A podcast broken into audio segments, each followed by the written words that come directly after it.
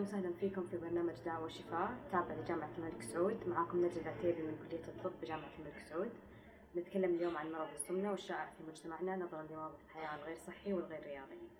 طبعا السمنة هي مرض مزمن وله تأثيرات مرضية عالية من ناحية صحية نفسية واقتصادية.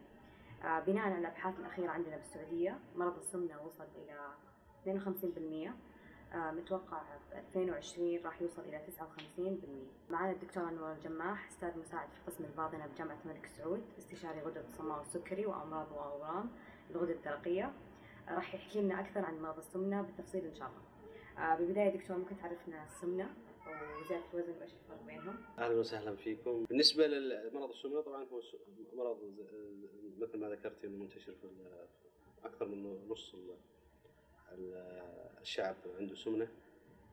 وطبعا فيه فرق بين السمنة وزيادة الوزن هذا يعتمد على آه، طول ووزن ال- الشخص حيث أن يعني دائما إحنا نحب نكون في أرقام عشان نكون متأكدين من ال من نقل المعلومة وتبادل المعلومات بين الأطباء وسهولة التشخيص ويعني تكون حاجة ستاندر فنعتمد على أرقام.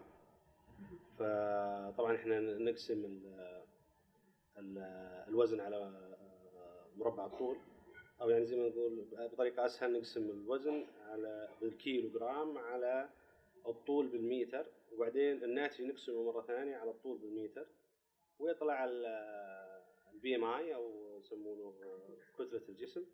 وعلى حسب كتله الجسم نقرر إنه والله المريض هذا عنده سمنة أو لا. آه، طبعا آه، أكثر من 30 تسمى سمنة أقل من 30 آه، إلى 27 هذه يسمونها زيادة في الوزن. ولكن هذه يعني الرقم هذا في النهاية هو رقم والمريض هو حاجة كاملة يعني. المريض ليس فقط طول ووزن لا هو المريض ممكن يكون عنده سكري ممكن يكون عنده ضغط ممكن يكون عنده مشاكل في القلب ممكن يكون عنده فممكن يكون معدل السمنة مثلا 29 أو معدل كتله الجسم 29 آه، أخطر بكثير عند مريض معين عنده مشاكل صحية. من واحد مثلا يكون عنده 35 ولا حتى 40 ما عنده مشاكل صحية. ففعلا تقسيم الحاجات هذه فعلا تعتمد على الأرقام ولكنه إحنا نشوف المريض ك ك شيء كامل يعني مو مش فقط الوزن والطول دكتور بالنسبة للمجتمع السعودي قديش هو منتشر عندنا؟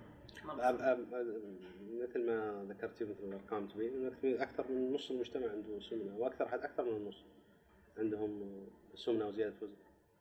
آه طيب دكتور إيش الأسباب ورا السمنة آه حسب الأرقام يعني طلعت؟ طبعا الأسباب من. من ناحية علمية طبعا في أشياء تعتمد على الوراثة وأشياء تعتمد على آم، تغيير نمط الحياة، أنا أعتقد إنه تغيير نمط الحياة هو السبب الرئيسي والأساسي والمهم والذي يجب أن نعمل عليه اللي هو تغيير نمط الحياة اللي هو مثلا طريقة الأكل النشاط ال- آه، البدني ال- آه، طريقة الأكل عندنا طريقة العمل آه، كان العمل كله تقريبا بمجهود الآن العمل كله جلسة على الكرسي.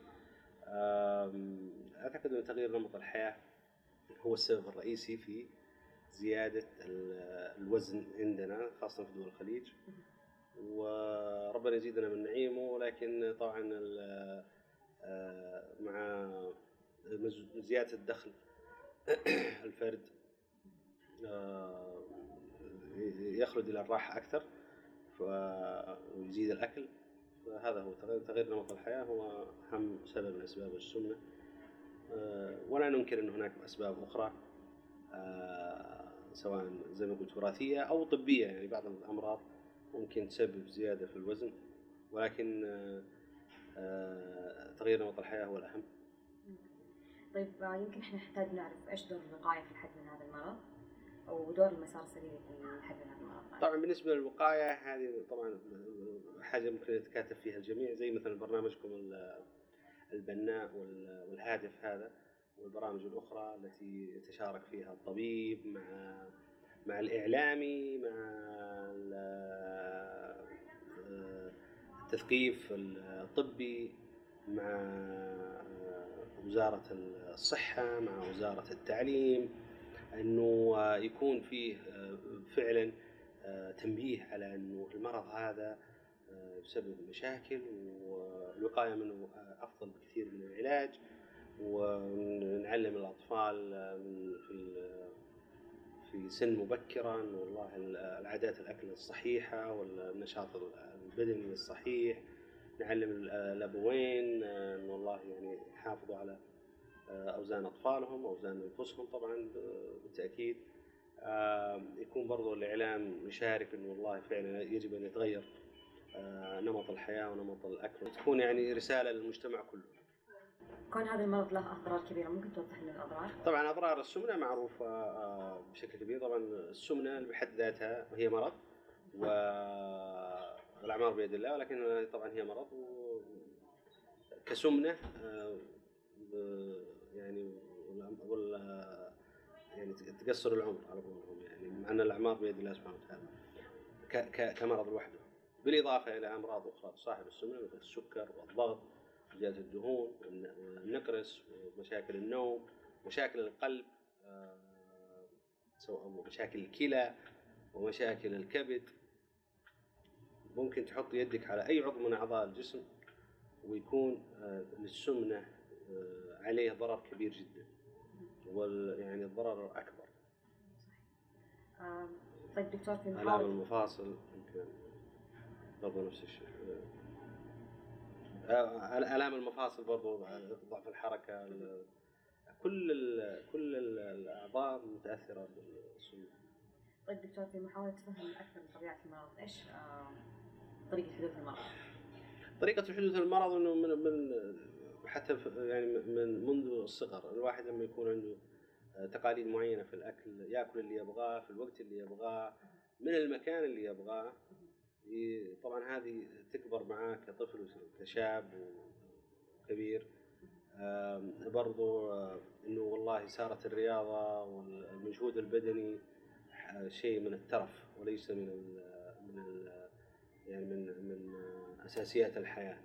في يوم من الأيام كان والله المشي والجري والروحه والجية الواحد يسويها مرغما الآن يسويها كنوع من الترف يعني.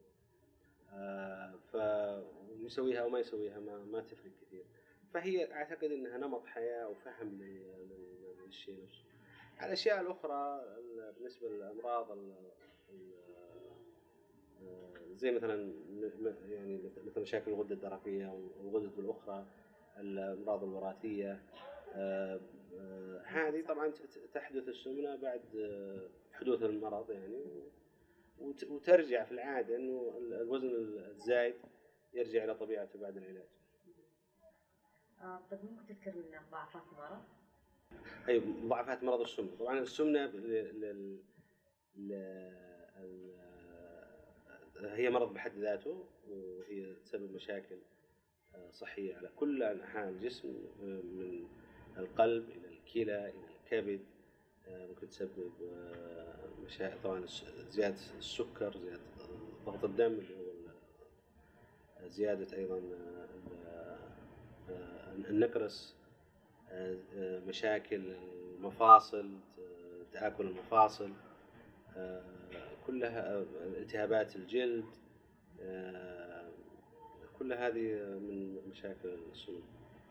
طيب دكتور أكيد سمعت الضجة اللي صايرة عن سكسندا وفيكتوزا آه، وش رأيك بالناس اللي يستخدمونها بدون وصفه طبيه؟ آه، طبعا إحنا نتجنب الأسماء التجارية. طبعا هي اسمها liraglutide فال liraglutide هذا من الادواء من الأدوية اللي هي ال GLP 1 اللي هي تستخدم آه، أول ما استخدمت لعلاج السكري. طبعا هي هرمون يؤدي إلى الشبع أو الإحساس بالشبع والامتلاء وتقلل كمية الأكل اليومية. وهذه الأدوية طبعا تستخدم ل بداية استخدمت للسكر وبعدين آه، الدواء الثاني اللي هو الليراجلوتايد 3 ملي جرام استخدم الآن للعلاج السمنه السمنه من غير من غير وجود سكر. وهذه من الأدوية الجيدة طبعا تنزل الوزن إلى حد 12 كيلو جرام طبعا الأرقام هذه زي ما قلت لك غير غير غير دقيقة. لكنه في ال- في المتوسط 12 كيلو جرام خلال ثلاث شهور. والواحد يبدأ فيها بنسبة معينة ويزودها. آه، يعني آه، لها فوائد لانقاص الوزن تغيير آه، نمط الحياة نمط الأكل. يعني الواحد لما يستم- يستمر على الادويه فترة معينة يحس إنه بعدين يعني حتى من غير استخدام الأدوية يصير أكله أقل. ما لها مشاكل صحية كبيرة بقدر ما يكون عندها مثلا مشاكل في الجهاز الهضمي والشعور بالغثيان إذا أكل. في بعض غير المتخصصين يتكلموا عن أورام الغده الدرقية وكذا هذا تخصصي يعني. فهي في الحقيقة ما تسبب للاورام الغده الدرقية. طبعا ال- ال- ال report الوحيد الموجود اللي هو من الفئران أو الجردان اللي هي سببت لهم آه، م- medullary thyroid carcinoma وسموه ال- النخاعي الورم النخاعي في الغدة الدرقية. وهذا نادر جدا. وللمعلومية طبعا ال- الغدة الدرقية للجرذان تختلف عن الغدة الدرقية عن البني آدم آه، في وجود آه، تركيز معين من الخلايا. هذه آه، تخلي احتمال إنه يكون عنده الورم هذا أكبر بالنسبة للإنسان آه، لم يثبت في كل الدراسات انه في زيادة آه، للأورام هذه أورام الغدة الدرقية. الشيء الثاني التهاب البنكرياس وطبعا حاجة قليلة جدا يعني نادرة جدا ولا تمنعنا من استخدام الدواء هذا. آه، تقريبا نمنع استخدامه للناس اللي عندهم مثلا ورم نفسه هذا اللي هو ال medullary thyroid carcinoma واحد من عائلته موجود عنده medullary thyroid carcinoma ما نستخدم العلاج معهم لأنه في احتمال إنه يزيد أو آه، انتشار المرض هذا فقط. آه، ما في أعتقد أي آه، يعني مشاكل كبيرة من المرض غير الذي ذكرتها. دكتور حابة أعرف رأيك بعض المعلومات الطبية الشائعة في مجتمعنا واللي للأسف ممكن تكون مغلوطة. ممكن بس بذكر لك بصورة سريعة بعض المعلومات ونشوف رأيك فيها. عدم الالتزام بالنظام الغذائي ونمط حياة صحي واللجوء للحل الجراحي فورا؟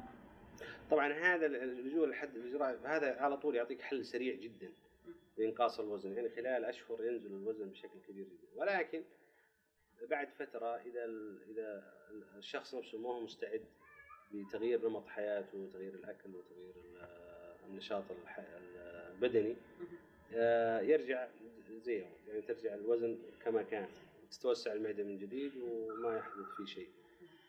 فيكون فيه آه، آه، عودة للوزن القديم. آه، اللجوء للأدوية الغير مرخصة للنزول السريع طبعا في أدوية كبيرة جدا موجودة في كل مكان عن إنها تنزل الوزن وهذه تستخدم مواد معينة آه، تؤثر على الجهاز العصبي. آه، طبعا في بعضها مسموح فيه عن طريق هيئة الدواء الأمريكية الامريكان اف دي ما هي موجودة عندنا في البلد هنا. آه، احتمال حتكون موجودة. لكني طبعا أنصح كل المرضى إنه ما يستخدموا أي أدوية غير مصرح بها في البلد نفسه. آه، لأنه تتغير طبيعة البشر من بلد إلى بلد. والأدوية الموجودة الآن للسمنة آه، زي ما قلنا ال liraglutide اللي هو الإبر وال وال Xenical اللي هو ال orlistat اللي هو ال- الدواء الموجودة هذه. آه، سمنة فقط سببها عامل وراثي لا طبعا. الأغلب إنه تكون السمنة من تغيير نمط الحياة اللي هو زيادة الأكل وقلة الحركة. يعطيك العافية دكتور شكرا. الله يعافيك.